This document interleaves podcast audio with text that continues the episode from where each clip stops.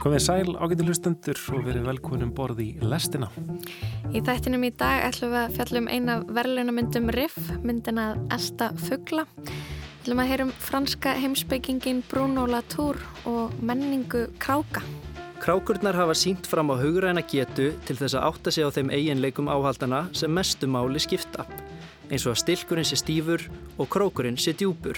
Hann er að draga fram sko jörðina sem geranda að hún er ekki sko passíft svið fyrir bara aðtapnir okkar til að leika okkur á og hún er heldur ekki auðlind sem við getum gjör nýtt við verðum ekkert veginn að búa með henni en þetta er eina jörðin sem við eigum. Það var mjög mikilvægt fyrir mig að hafa bara hérna þennan skít frá blíjandinum og, og það er bara eitthvað í blíjands uh, áferðinni sem að talva getur aldrei alveg kópið sko Ég heiti Kristján Guðjónsson. Ég heiti Lofabjörg Björnstóttir og þetta er lestinn mánudaginn 10. oktober.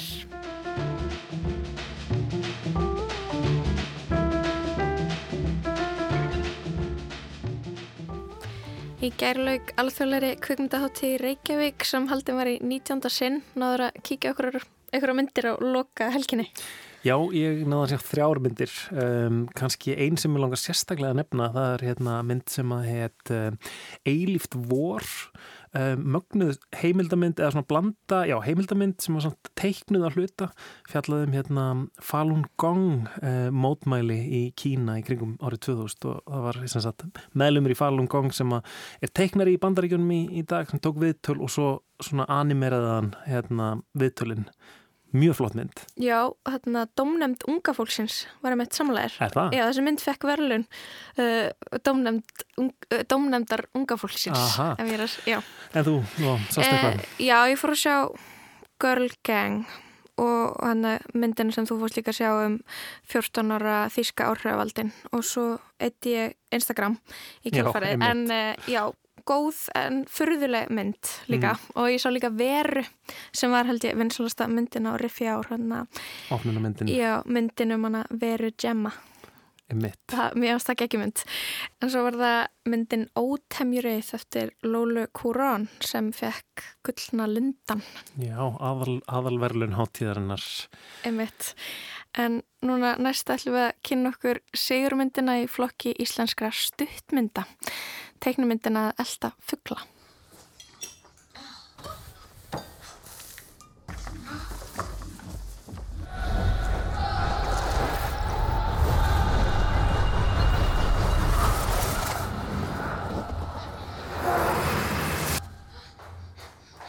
Teiknumyndin Chasing Birds af Elda Fuggla hlaut verðlun á riff um helgina í flokki íslenskra stuttmynda og var það eina teiknumyndin sem kefti í þeim flokki. Una Lorenzen, höfundur og leikstöru myndarinnar, hefur verið búsett í Kanada í fjölda ára og unnið þar sem sjálfstætt starfandi teiknumyndahöfundur. Hljóðmynd myndarinnar var í höndum bróðurinnar Darra Lorenzen og tónlistina samti Gunnar Tínes. Myndin er blíjantsteiknuð, þetta er saga um litla stelpu sem leikur sér að því að elda fuggl í gegnum óriðukent tímabil umbreytinga.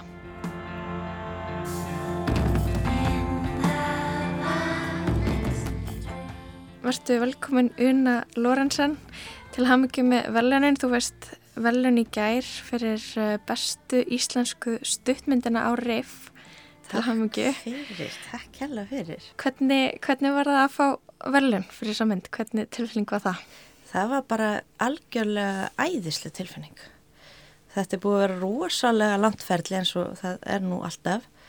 Um, það er algjör barátt að, að gera svona teiknumind sko sem að hérna er teiknu svona rama fyrir rama og tekur rosalega langan tíma. Mm -hmm þannig að hérna og það að fá svona viðkenningu þetta er bara æðislegt, rosalega ána með þetta. Ok, þetta tekur langan tíma. Hvað er langt síðan þú fegst hugmyndina þessara mynd, hvað er þetta búið að vera langt ferli?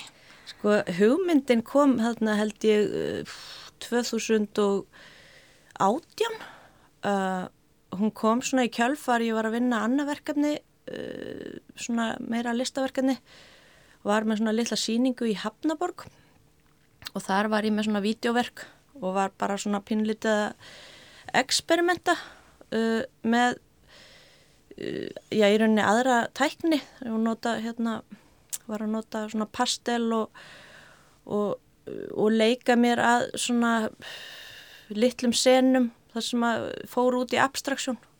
Ég er unni, hef rosa gaman að því að vinna í svona abstraksjón og, og þá var ég búin að vera svona skissa upp alls konar hugmyndir og það var þarna ein mynd sem að hérna þar sem að var svona borðendi og, og fólk satt mi mismunandi við þennan borðenda. Sumi voru á kvolvi voru... og svo bara svona greip ég þessa mynd eitthvað tíman og var svona já þetta getur kannski verið sniðu lítil mynd. Mm -hmm. Þú feist þessa hugmynd 2018 og þarna út frá þessari teikningu.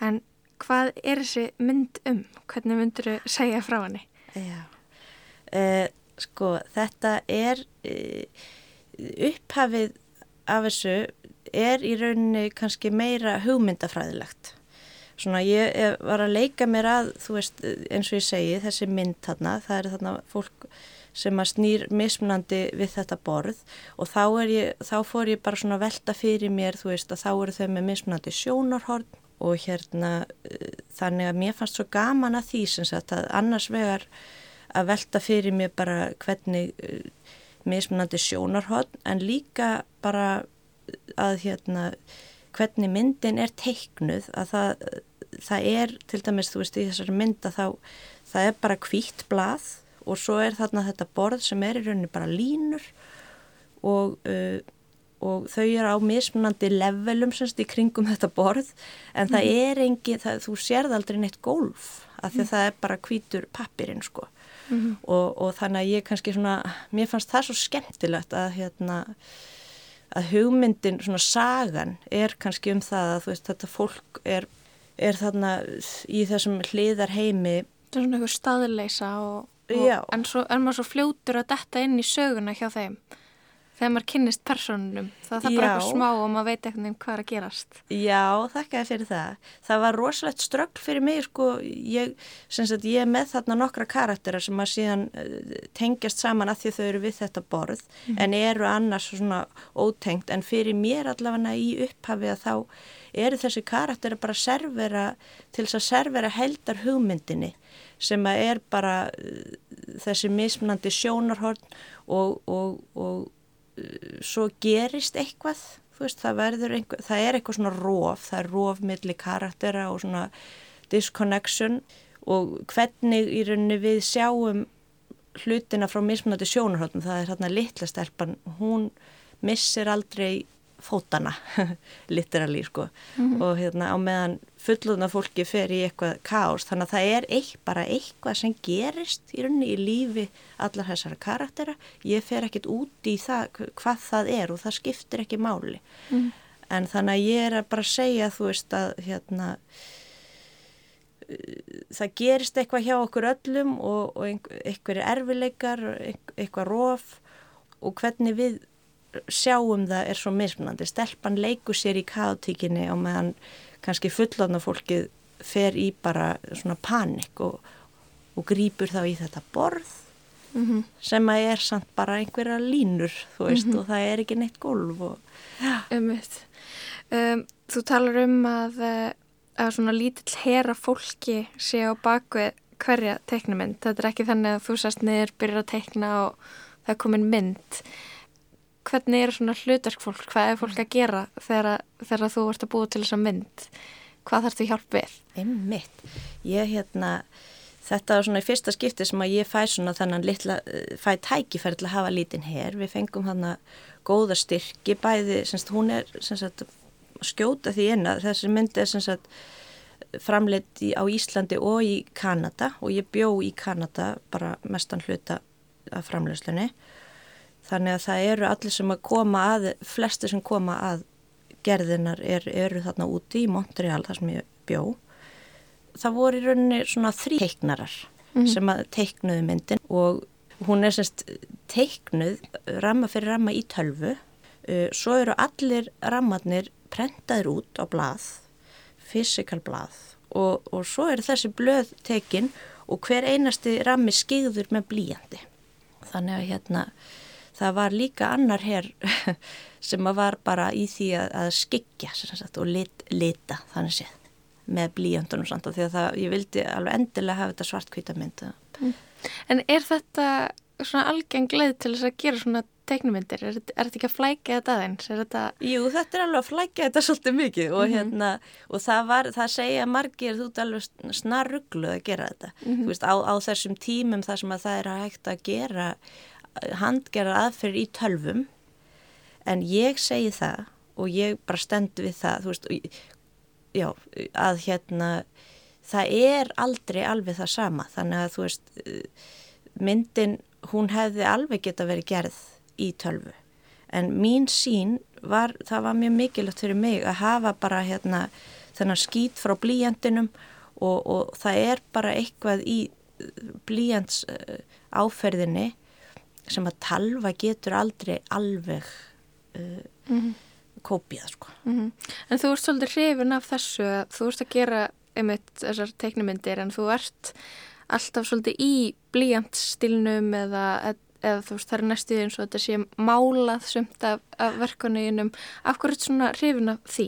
Já þetta er bara ég, þetta er bara ég þú veist ég hef alltaf hérna ég er rosalega hrifin af bara svona áferð þú veist mm -hmm. og kem kannski bara inn í uh, grafíska hönnun og, og hreyfimyndagerð uh, út frá því og bara svona áferð og aðferð og ég var alltaf að prófa mig áfram þegar ég var í skóla í Kaliforni, fór þanga í skóla þá hérna var ég bara svona svo hilluð af því að það er hægt að vera með einhverja áferði bara eins og þú ert að mála, gera málverk eða eitthvað og láta málverkið reyfast mm -hmm. og, og ég bara Una leik námi í grafískri hönnun í Listaháskóla Íslands árið 2004 og fer síðan í mastersnámi í Calharts Listaháskóla í Kaliforníu og læri þar Experimental Animation eða tilrunakendar teiknumindir. Svo flautist hún til New York þar sem hún kynntist fyrirhandi eigimanni sínum, flytur svo með honum til Kanada og þar fyrir unna að gera teiknumindir fyrir heimildamindir. En nú er unna flutt heim eftir langa dvöli í Kanada og kemur með þessa mynd í farteskinu. Þetta er saga sem hún segist byggja á dóttur sinni, myndin er persónuleg, sprettur upp úr eigin kvíða höfundar sem hefur sjálf gengið gegnum umbróta tíma. Og við tölum um það hvernig það var að vera sjálfstætt starfandi teiknumyndahöfundur í Kanada. Það bara hérna var uh, frábært og gekk vel og, og maður bara er stöðugt að sko og hérna uh, en bara alltaf svolítið ströggl svona mm -hmm, mm -hmm. þetta, maður þarf að brenna fyrir þetta það mm -hmm. er alveg 100% hannig sko. og þú gerir það? Ég gerir það algjörlega og allir, þú getur spurt alla sem eru ennþá að gera eh, reyfimyndir að það er sko ekki til þess að sko fá salt í gröytin þannig séð sko mhm. það er bara að því að þau get ekki hægt mhm. og ég, það, ég er algjörlega þar þú veist, ég bara það kemur annað verkefni og, og ég get ekki sagt nei, ég bara verð strax eða ég verð ekki alltaf strax bent en ég menna það fer eftir verkefninu ég er bara svo heppin að fá að gera mismunandi og þar eru heimildamyndirna svo skemmtilegar Varstu alltaf frifin af teiknumyndum þegar þú var slítil er þetta svona eitthvað sem hefur alltaf fyllt þér eða kynntist þessu setna? Ég var, sko, ég var, þú veist, ég fór í hérna teiknumyndakursa hérna uh, Stína Maja, Kristín Marja, hún var með hérna teiknumynda uh, animation kurs í gamla dag sem ég fór í Gerðibergi og eitthvað svona, þú veist, þetta var alltaf þarna, en þú veist, ég held ekki að það myndi endilega fara áfram. Uh, ég held að ég myndi bara þú veist, ég fór hann í grafíska hönnun og ætlaði þá kannski bara fara að vinna í í því, fá svona, fá svona alvöru innan gesalappa vinnu. Mm -hmm. en svo einhvern veginn kom svo vinn ekkert og þá, þá hérna þá er alltaf skott að halda bráfram að gera það sem er skemmtilegt. Já, ég er bara fegin því veist, þá fór ég bara meira í áttina sem ég átt að fara í. Og ég er mjög fegin að hafa lent þarna í, eða lent í Kallarts ég, þú veist, prófaði að hérna, sækjum aðra skóla og komst hérna komst ekki bara komst næstum því inn. Fór svona, mm -hmm. vorum hann að tvö eftir. En hérna, ég er svo fegin að því að Kalarts var svo innilega það sem að ég þurfti. Fara eitthvað mjög langt, ég var skítrætt að fara hana lengst í burtu frá Íslandi. Mm -hmm. og hérna fara eitthvað langt og hérna og vera bara í rosalega svona uh, listrænu og skrítnu umhverfi og fá bara hérna fríka eins út og leika sér. En mitt, gera tilrunir. Já. Og en þarna, þú talar um að uh, þessar blíjantstekningar, að þið tekni í tölvu og, og svo tekuru prentar út og skikki með blíjanti.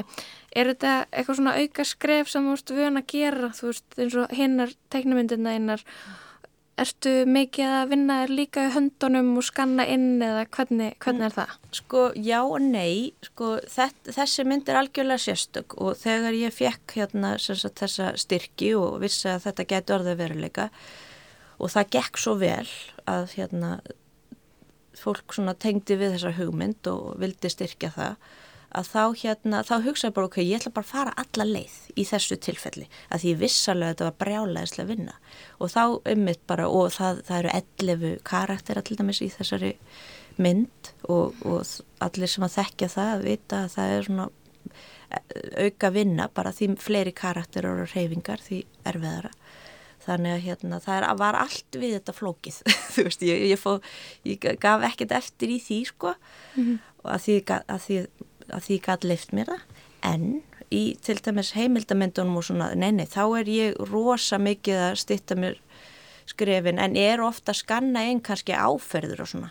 Um en þú veist, ég, en ég hef oftast bara verið svona að megninu til í tölfunni sko. Mm.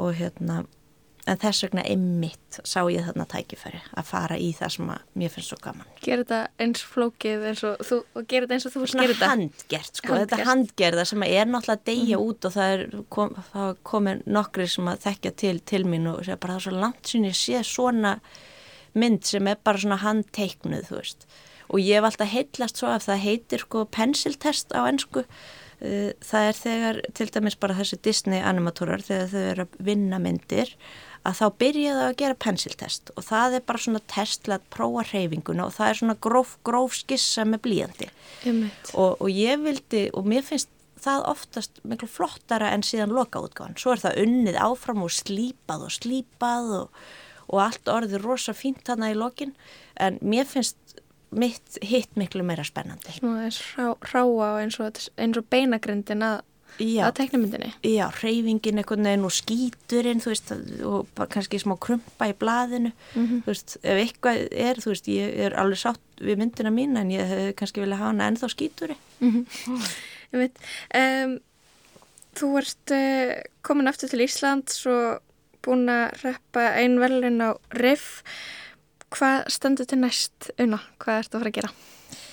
Já, ég er að klára núna hérna, fyrir stóra heimildamind, bandaríska og hérna þau, það er bara hérna, hún kemur út einhver tíman núna um jólinn, mjög spennandi hérna, mynd eftir Rory Kennedy sem að hérna er um uh, immigration, býtu nú eða, mm -hmm. saga inflytjanda bara í, í heiminum, hvorki meirinu minna. Mm -hmm svo kannski bara sjáum við til ég, ætla, ég, ég held ég þurfa aðeins að hlúa að svona sálinni og, og svona fjölskyldunni og bara ekki það að ég hef eitthvað ignorað hana en þú veist þetta er bara svo brjála þetta er búin svo brjálæslegt og COVID og flytningur mm -hmm. og ég veit ekki hvað og hvað sko mm -hmm. þannig að ég ætla bara svona aðeins að andarólega og hérna og sjá hvað kemur næst sko mm -hmm. Það hljóma vel Um, takk hellaði fyrir komuna, Una Lorentzen. Takk fyrir.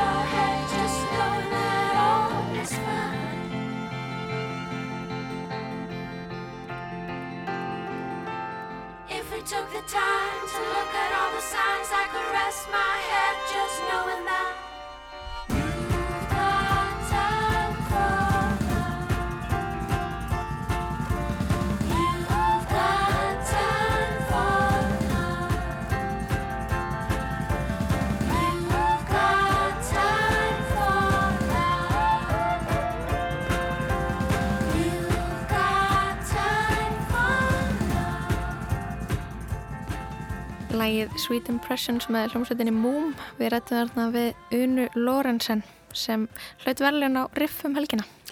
Ég mitt riff eh, lokið um, og við taka aðrar hátíðir um, en við ætlum að snú okkur að allt öðru Fróði Jónsson sem er svona einhvers konar David Attenborough lestarinnar, dýra, dýra atferðlisfræðingur hann hefur verið að hugsa um menningar heima dýra. Í senustu viku fluttan pistilíðan í lestinu um söng núfubaksins mjög aðteglisverðu pistil um, og að þessu sinni þá veltir hann fyrir sér áhalda nótkun kráka og því hvort að krákur séu kannski bara menn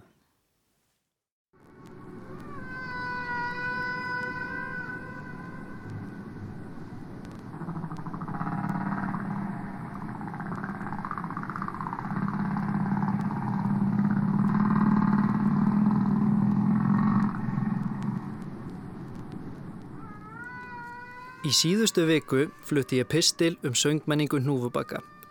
Í þeim pistli var hugtakinu menning, gerð skil og menning innan dýrasamfélaga reyfuð. Ég ætla ekki að endur taka alla þá ræðu en mér langar að skerpa örstutt á umfjöllurnarefninu. Menning er fyrirbæri, þekking eða atferðli sem á sér stað í samfélagi og er viðhaldið með félagsnámi. En félagsnám dýra er sálærdómur sem er auðveldaður með því að fylgjast með, umgangast eða eiga samskipti við annað dýr, oftast á sömu tegund eða afurður þess. Innan fræðasviðis dýramenningar er hugtak sem hefur fengið aukna rannsóknar aðtikli á síðustu tveimur áratugum. Hugtakið er ekki enn til á íslensku að því mér er vitandi en kallast á ennsku cumulative culture sem ég þýði í þessum pistli sem uppsöpnuð menning. Uppsöpnuð menning á sér stað þegar samfélag gerir breytingar á menningarlegu fyrirbæri og nýja útgáfan er bæði skilvirkari og leysir þó gömlu af hólmi. Breyttu útgáfuna þurfa dýrin innan samfélagsins að læra með félagsnámi og allt ferlið þar svo endur taka sig að minnstakosti einu sinni í viðbót til þess að sína fram á stigvaksandi uppsöpnun. Með tímanum verður nýjasta útgáfan svo flókin að enginn geti fundið hana upp án þess að hafa aðgang að þeim menningarlega auði sem fyrri útgáfur eru. Auðveldast er að koma auga á uppsapnaða menningu í þróun hinna ímsu áhalda. Gott dæmi um það er þegar steinaldamaðurinn fór að breyta kastvopnum sínum úr ávölum hnullungum í ottkvassa steina sem síðar urðu að spjótum. Uppsöpnuð menning er því hortsteinn tækni þróuna mannana. Menn eru þó ekki einir um að framleiða og nota áhöld. Sínt hefur verið fram á að þó nokkra dýrategundur nota áhöld, engum við fæðuleit. Helsti fulltrúi áhaldanótkuna dýra er simpansinn, sem er, ásand bónoböfum, okkar nánasta skildmenni. Simpansar nota áhöld við fæðuleit og félagsleg samskipti, sem og til þess að snirta sig. Það var þó ekki fyrir en á sjönda áratug 20. aldar sem menn yrðu meðvitaður um að dýr gætu notað áhöld. Vettvangsrannsóknir prímatafræðingsins Jane Goodall á Simpansum árið 1964 voru þær fyrstu sem síndu svart á kvítu að dýr hafa hæfni til þess að nota áhöld. En fram að því var svo hæfni talin vera manninum einum fær. Leðbennandi Goodall, Louis Leakey, let við þessa uppgötvun þau frægu orð falla að nú yrðum við að endurskilgreina áhöld, endurskilgreina mannin eða samþykja simpansa sem menn. Svo merkileg þótti þessi uppgötvun.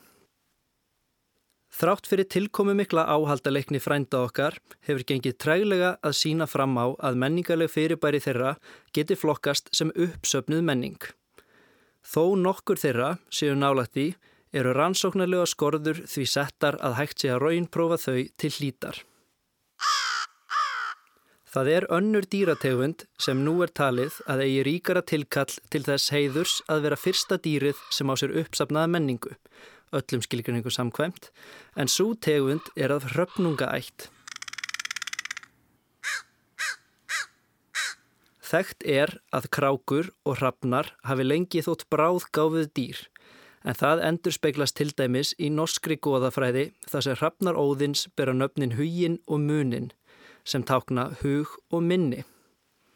Nýju Kaledóníu krákur sem finnast eins og nafni gefið til kynna einungis á eigaklasanum Nýju Kaledóníu í Kirrahafi eiga sér einstaka áhaldamenningu.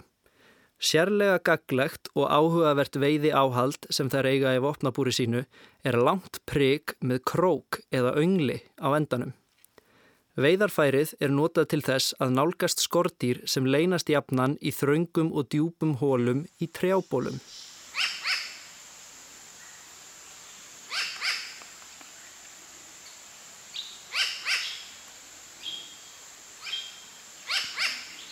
Upphaflega hafa nýju Kaledóníu krákurnar notað einfalt prigg til veiðana sem þær gera reyndar enn af og til en síðar tóku þær upp á því að búa sjálfar til krók á enda priggsins.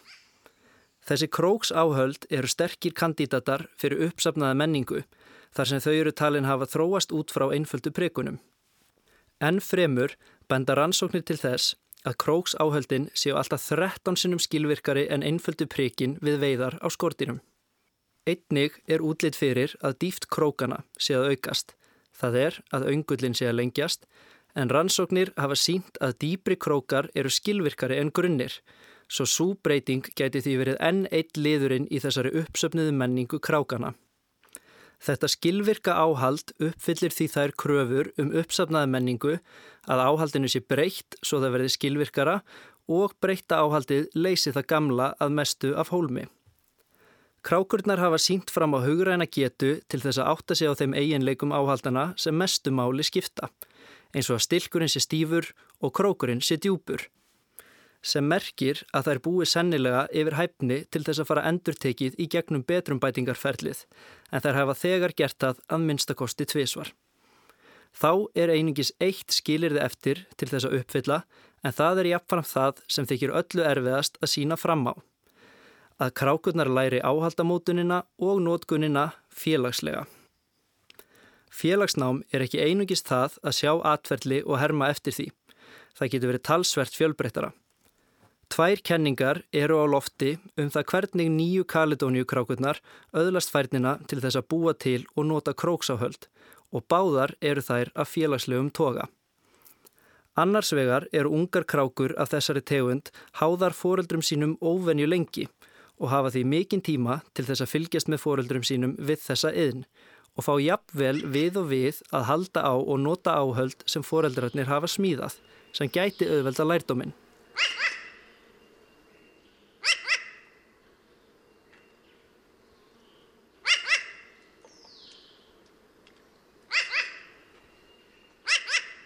Hinkenningin er svo að krákurna læri af afurðum frekar en einstaklingum Þær gætu því rekist á og notað áhöld sem aðrar krákur hafa skilið eftir og út frá því lært á þau.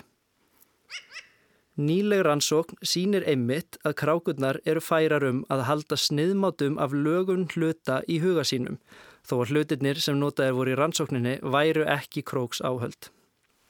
Í stuttumáli sagt er því margt sem bendir til þess að króks áhöld nýju Kaledóníu kráka hafi þróast samkvæmt uppskrift uppsapnaðrar menningar og að þær séu sennilega fyrsta dýrið til þess að geta talist eiga uppsafnaða menningu, þó simpansarnir séu ekki langt undan.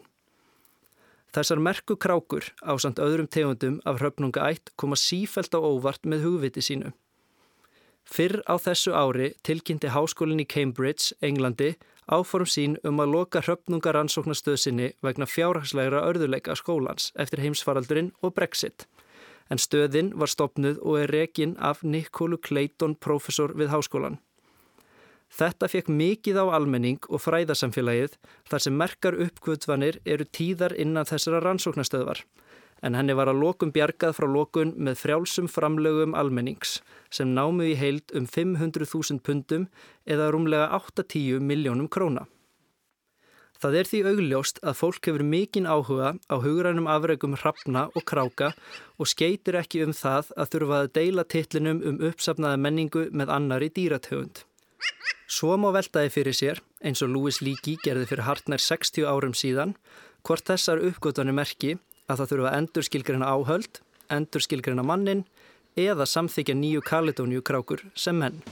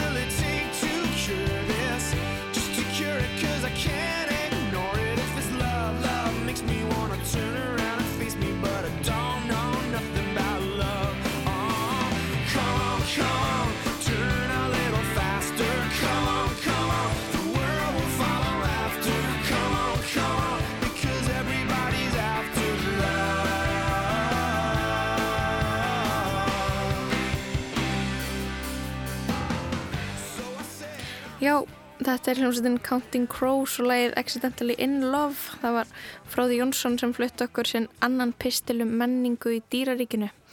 Að þessu sinni fjallaðan um áhaldanótkun nýju Kaledóníu krákunar. Þetta er svolítið gott lag, það var í Shrek. Okkar uppáhalds teiknumind. Um græna, hana, græna, græna skrimsli í, í mýrinni. En við ætlum að snú okkur að allt öðru. Eh, líklega hefur, já, hvað ég var að segja, örgulega minni hluti hlustenda heirt minnst á franska heimsbyggingin Bruno Latour en hann lest úr krabbaminni núna um helgina 75 ára gamal. Um, en það eru hins vegar fáir hugsuðir sem að hafa haft jafn mikil áhrif núna á undarförnum árum og, og Latour áhrif á hugsun okkar um eh, já, upplýsingaóreiðu, um loslagsbreytingar og það sem hefur kallað mannöldin anthropósín sem að allur listheimurinn er, að- er að pæla í þessa, þessa dagana og, og vísindamenn og alls konar fólk. Um, ég fekk til mín Gunnar Þór Jóhannesson, professor í ferðamálafræði við Háskóla Íslands til þess að segja mig frá þessum hugsuði Bruno Latour en Gunnar hefur kynnt sér verk hans.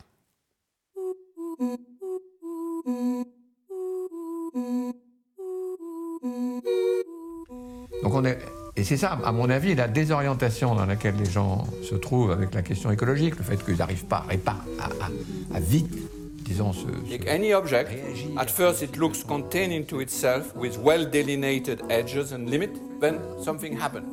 A strike, an accident, a catastrophe, and suddenly you discover a swarm of entities that seem to have been there all along, but were not visible before, and that appear in retrospect necessary for its sustenance.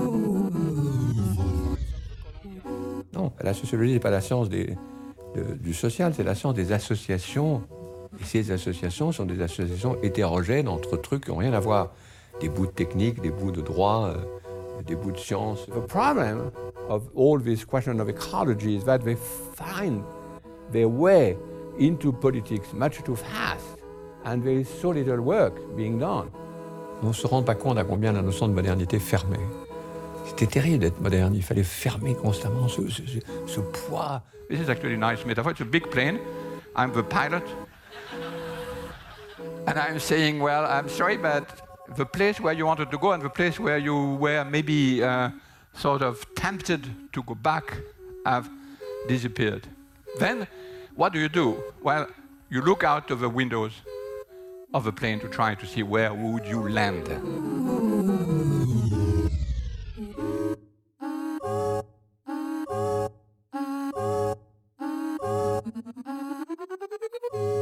Já, sko Latour er franskur, komin að já, nokkuð stóri fjölskyldu og svona við þetta fólki, vínbændum að mér skilst, en allavega hann uh, fer í, út, í, í heimsbyggi og hérna uh, og er að klára sitt doktorspróf þarna kringu 1970 rétt þar fyrir.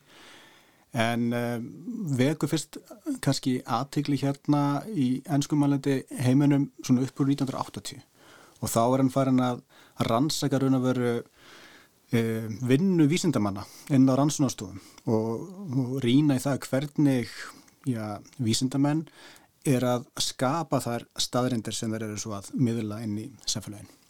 skapa staðrendir þetta er svolítið aðeinsvært hérna, já, hann, hann sem sagt fer, fer inn bara svona nánast eins og mannfræðingur og, og, og fylgist með hva, hvað vísindamennin er að gera uh, og hann kemst að þeir niðurstöðu að þeir sé að skapa staðrendir Hva, Já. hvað þýðir það? hann gerir það nefnilega og hérna, það er mjög áhugavert hann tekur upp þessar mannfræðilegu nálgun og uh, bara gerir etnografíu inn í rannsónastofu í, í bandaríkjónum uh, og það sem hann kemst að er að raun að vera að þvert á það sem kannski margir vísindamenn töldu sig vera að gera þá svona í anda vísindaheikjunar eða positivistmenn að, að vera uppkvöta á náttúrulegumál eða- og lýsa svona einhverjum stöðum staðrendum sem liggja þarna úti og býða þess að vera uppkvötaðar að þá með því að rýna í hvað fólk var nákvæmlega að gera inn á rannsónastofunum og þá komst hann að því að, að þessar staðinættir þar byggja á rosalega mikilli vinnu og, og markvislegum tengsla netum, þar að segja þar veði ekki til að sjálfu sér, þar þurfa allsken stuðning, það þarf tæki það þurfa kenningar til að tólka upplýsingar eða niðurstöður af mælingum eða rannsóknum og tilraunum og þess og þar og þetta er bara miklu meiri svona handavina, myndi látur kannski lýsa því, sko, að hérna miklu meiri vinna sem felst í því að, að raða hlutum saman. Þannig að góðar og öfluga staðrindir verði til og þannig hann er að hérna, raun og veru að halda því á lofti að, að hérna, svo þekking sem við sköpum í vísindunum og náttúruvísindunum líka er smíðuð í einhvers konar félagslegu, pólitísku, efnahagslegu og efnislegu líka uh, samhengi. Ég get ímynda mér að svona kenning hafi kannski ekkit verið sérstaklega vinsæl hjá, uh, hjá, hjá mörgum af þeim sem að er að vinna og er að vinna við vísindin, raunvísindi Já. kannski hérna er, var, var þessu strax tekið teki vel eða hvað? Nei, um mitt, þessu var um mitt kannski ekki tekin eitt sjálflega vel af, af mörgum, auðvitað voru margir sem hérna, kannski fannst þetta að vera mjög inspirerandi en um, nei, þetta var þannig að kannski mörgum fannst það að vera graf undan uh, réttmæti vísindana uh, sem er eitthvað sem Latur var svo setna mær sérstaklega mjög áfram um að, að hérna reyndar að sko styðja vísindin og hérna að efla, efla vísindin vegna þess að hann taldi þau vera veru bestu tækin sem við hefðum til að takast á við ímest þau bara mál sem við þurfum að takast á við í samfélaginu. En mörgum fannst að vera að halda lofti sko svona öfgafullri hugsmíðahyggju. Þar að segja að við gætu bara að hugsa okkur hvað sem er og það verða bara sannleikur. Og að hann væri svona að halda lofti e, svona fullkominni afstæðishyggju. Og, e, og það tók svo umræða, hún tók alveg mörg ár og var mjög áberandi á svona setnilega nýjunda áratöður eins og fram á þann tíunda. Stundum talaði um bara science wars í, í þessu samhengi og og hún var meðal annars bóðið að sko stökku út um glugga 21. hæð til að aðtöða hvort hann geti ekki hugsað sér frá því að hérna, eitthvað, eitthvað það svona en hérna, en hann uh, svona færið mjög góð rauk fyrir því að uh, í fyrsta lagi hann var ekki afstæðisekjum aður það snýrist ekki um það að við getum bara hugsað okkur eitthvað og það verið satt eða ekki. Heldur einfallega að ef við viljum sko halda á lofti og skapa þekkingu og miðla henni þannig að hún hafi einhver, einhversi konar áhrif og breyti einhverju að þá þurfa þess staðarindur og þá þarf svo þekking að hafa einhvers konar stuðningskerfi í kringu sig. Það, og við þekkjum bara úr akademíunni að, að hérna Við erum til dæmis með kerfi ritrýningar þegar við erum að byrta greinar, að byrta niðurstöður rannsókna. Og það er til dæmis bara eitt af mörgum kerfum sem við notum til að sko raun og veru undirbyggja þá þekkingu sem við erum þá að miðla. Að þetta sé þá það besta sem við vitum í dag og uh, svo vitum við meira morgun. Þannig að það er raun og veru bara það sem hann er að segja. Við þurfum, hérna, við gerum þetta með allskins tækjum og í líka svona það sem hann talar um sem, sem tengslanett. Þú talar um þessi tengslanett um, sem að eins og í, í vísindunum um, sinna því hlutverki einhvern veginn að, að staðfesta að eitthvað, eitthvað sé staðrind eða sannleikur eða eitthvað svo leiðis. Um, þetta, tengist þetta þessu svona, þessari kenningu hans uh, sem er, hefur verið íslenska sem gerenda netskenning hérna, hvað er þetta? Já, þetta er náttúrulega algjört orðskrýpi til að fyrir að fyrsta sko. en hérna, þetta er þýðing á Actor Network Theory og hérna uh, hann er að móta hana þarna á nýjöndarartögnum í félagi við fleiri aðelar sem er að vinna svona í félagsfræði vísinda og um, uh, hún eiginlega gengur út á það að, að svona pota svolítið hugmyndun um samfélagið. Að samfélagið er ekki bara félagslegt sagt, heldur er það líka efnislegt. Og hann er mjög upptíkin af því og þetta fólk sem er þarna í, þessum, í þessari kreðsu að draga fram hvernig samfélag og náttúra til dæmis tvinnast saman. Og við erum ekkit annarkvort eða. Þannig að að samfélagið er alltaf efnislegt og teknilegt, það er líka félagslegt og menningarlegt, þannig að hann ekki úr því. En hann er svona að, að opna sko hugmyndun um samfélagið og þá líka um hinn félagslega geranda. Að, eh, og undirlíkjandi svona forsanda er svo að, að hérna að allt verið til í tengslum, þetta er svona nokkur rótök tengslahyggja. Þannig að það sem við skinnjum sem einingar eða svona einhvers konar mótaða formgerð að það er eitthvað sem verður til og er þá afurð tengsla og einhverjar vinnu sem hefur átt sér stað eða vinna inn á gæðsileppa, þetta geta líka bara verið ákveðna aðtapnir. Þannig að ef við hugsaum bara um eins og fjölskylduna sem einingu að þá verður hún til vegna þess að við vinnum í því að skapa þessa einingu og við yðkum hann eða performum þessa, þessa einingu. Og ef við myndum ekki gera það, þá væri hún ekki til staðar. Og, hérna, og þetta er það sem hann að draga fram svolítið með, með samfélagið og hann, hérna, ég man eftir einni, einu skemmtilegu dæmi sem hann notaði til að útskýra þetta. Hann talaði um sko samfélag Bavían og þá félagslegu formgjörð sem er þar við líði að það þarf alltaf að vera viðhaldan og það þarf alltaf að vera að passa upp á hana og hérna svona staðfestana mörgusunum á dag. En í okkar mannlega samfélagi þá höfum við náð því að sko þýða þessa struktúra yfir í og gera það efnislega og teknilega og þar með endinga betri. Þannig að sko valda forgerði sem við upplöfum á hverjum degi að þær verða til og, og hérna þeim er viðhaldið með já, ymsum hjálpatækjum getur við sagt. Og bara getur hugsað bara skipul og borga eða bæja eða teknilegi struktúrar eða hvaða nú er. Að með þessu þá erum við að skapa mun á milli hópa, þjófélagshópa og sem er náttúrulega lenda ofan á í, í því og, og aðrir undir sko. Þannig að hérna að þetta er svona svo kenning eða, eða nálgunni í svona mjög grófum grófum dráttum. Þú sagðir að þessi kenning væri líka einhvern veginn um, til þess að, hva, hva, hvað var að segja, um, augra eða, eða hérna, grafa undan þessum, þessum mun á, á, á samfélagi og, og náttúru, uh, kannski hinnu, hinnu ma- manngerða og, og, og, og svo hinnu efnislega eða, eða því sem er Já. uh, annar staðar. Uh, hérna, get, getur þú sagt aðeins meira um þetta og, og sko þá hvernig þessi, sko, þessi gerenda net, hvernig geta þau, já, hvernig þau innihalda hluti sem eru jável ekki kannski um, meðvitaðir eða, eða er ekki, já, meðvitaðir gerendur eins og, eins og mannfólk eða, eh, eða, eða dýr, jável, ég veit ekki. Já, einmitt, það er þessi, einmitt, eitt er að hann lítur svo á að, og lýsir þannig að gerenda hæfnin, sem sagt hæfnin til að hafa áhrif, hún verður til í svona tengslum og uh, sko mjög svona banalt dæmi er náttúrulega bara þegar við erum með einhvers konar hjálpatæki, við erum með hérna snjálfsíma eða jættulega við erum með gangráð, þá er, er það kannski svona mjög einfalt dæmi um gerandanet, við getum ekki lifað nema við erum með gangráðin. Mm, og þannig er komið búið að blanda saman hérna uh, einhverju tekni sem, sem byggir á rannsóknum og, og ákveðinu, ákveðinu handverki og, og slíku við líkam okkar. Og þetta er náttúrulega mjög svona drastist en uh, annað kannski með þetta þá er gott að hugsa aftur til sko rannsóknu hans á sköpun þekkingar að hann var svona gaggrína positivisman uh, þess að vísindahyggju fyrir það að líta svo á að hún veri óháð þinnu félagslega. Að vísindamenn geta á einhvern hátt staðið utan við viðfórsetni sitt. Og um, ég held að í dag séu þessi hérna nett mjög margir sem líta svo á að við séum algjörlega hlutlega eða, eða, eða getum alltaf staðið fyrir utan okkur sjálf ekkert veginn. Og hérna en á þessum tíma þá, þá var það miklu frekar og hann var að draga fram hvernig í raun og veru uh, vísindin hafa einhvern hátt svona talið sér vera fyrir utan hitt, hitt svona samfélagslega svið. Og, og hérna var að lýsa því hvernig svo var ekki sérsett Mhm.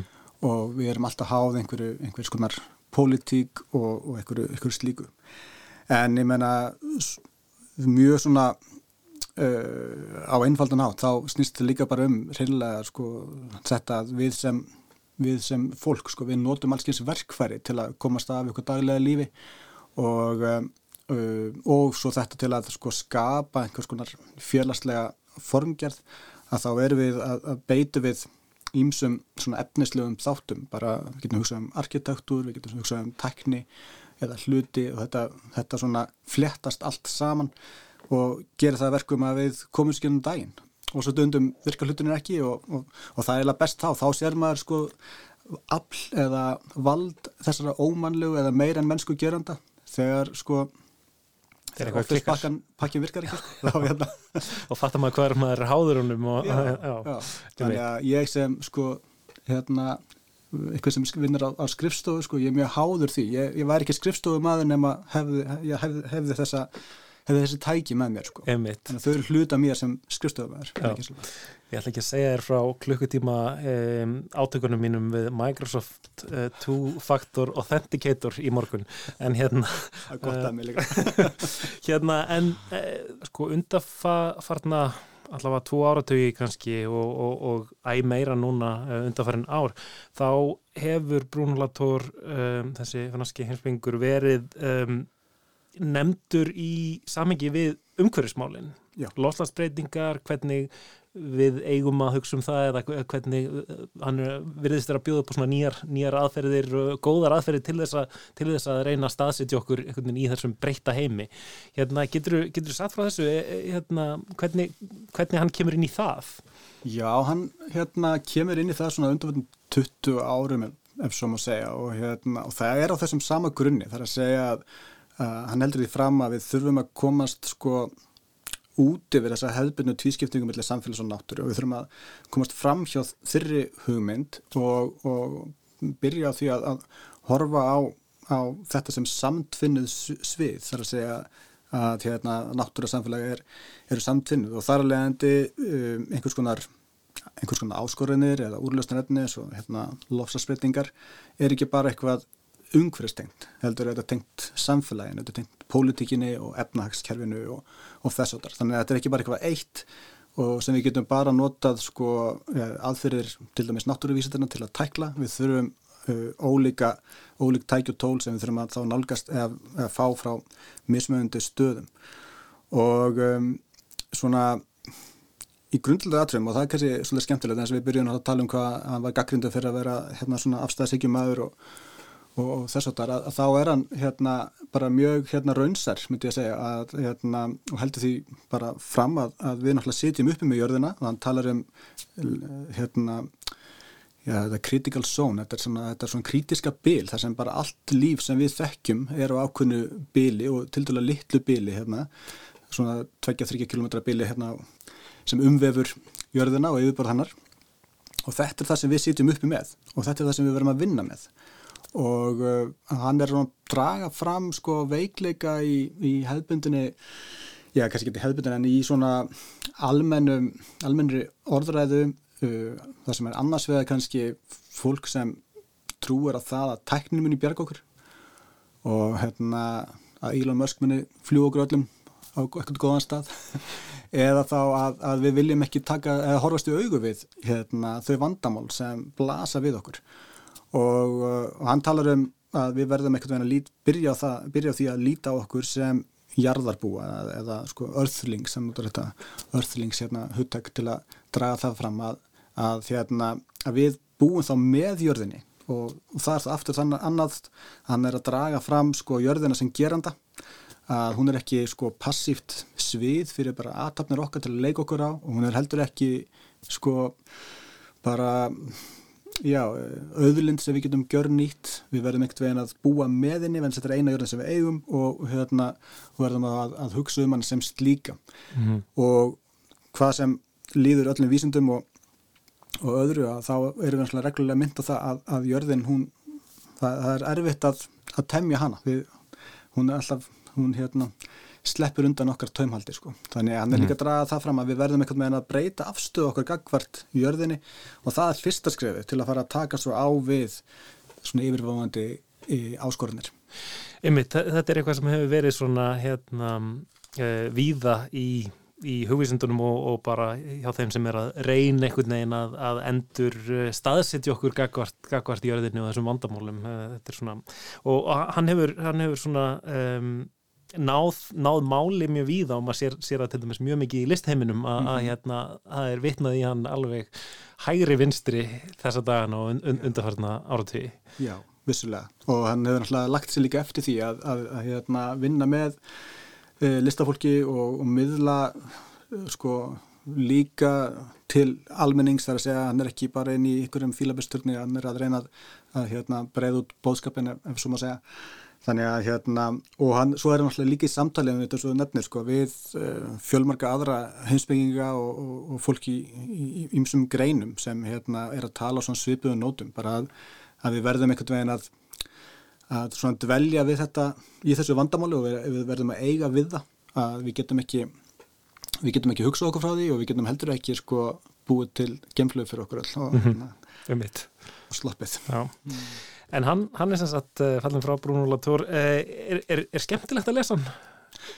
Já, það er skemmtilegt. Það tekur kannski smá tíma að komast inn í stílinn en Mhm, hérna, uh, og hann er svona eins og oft kannski með franska hugsuði Já, akkurat, ég held að sé að einhver leiti líka bara spurningum hérna þý- þýðingu og, og, og slíkt en Mhm. hérna að mjög inspirerandi vegna hann leifir sér líka svo margt að hann leifir sér að hérna draga upp myndlíkingar og, og hérna og svona tengja uh, mjög vítt bæði tíma og rúmi. Gunnar Þór Jóhannesson takk kærlega fyrir að koma til mín í lestina og, og segja mig frá Bruno Latour Takk kærlega.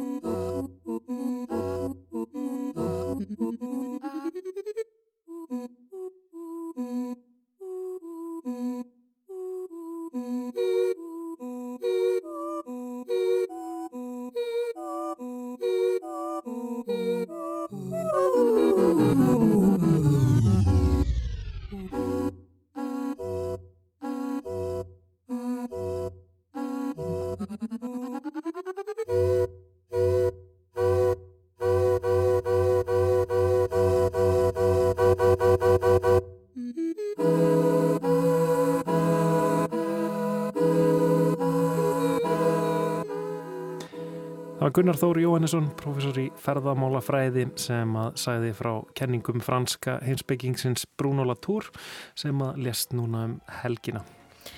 En þá erum við komin á endastuði lestin í dag. Já, við Kristján og Lóa verðum hérna aftur á sama tíma á morgun. Tæknumæður var Lítja Gretastóttir. Verðið sæl.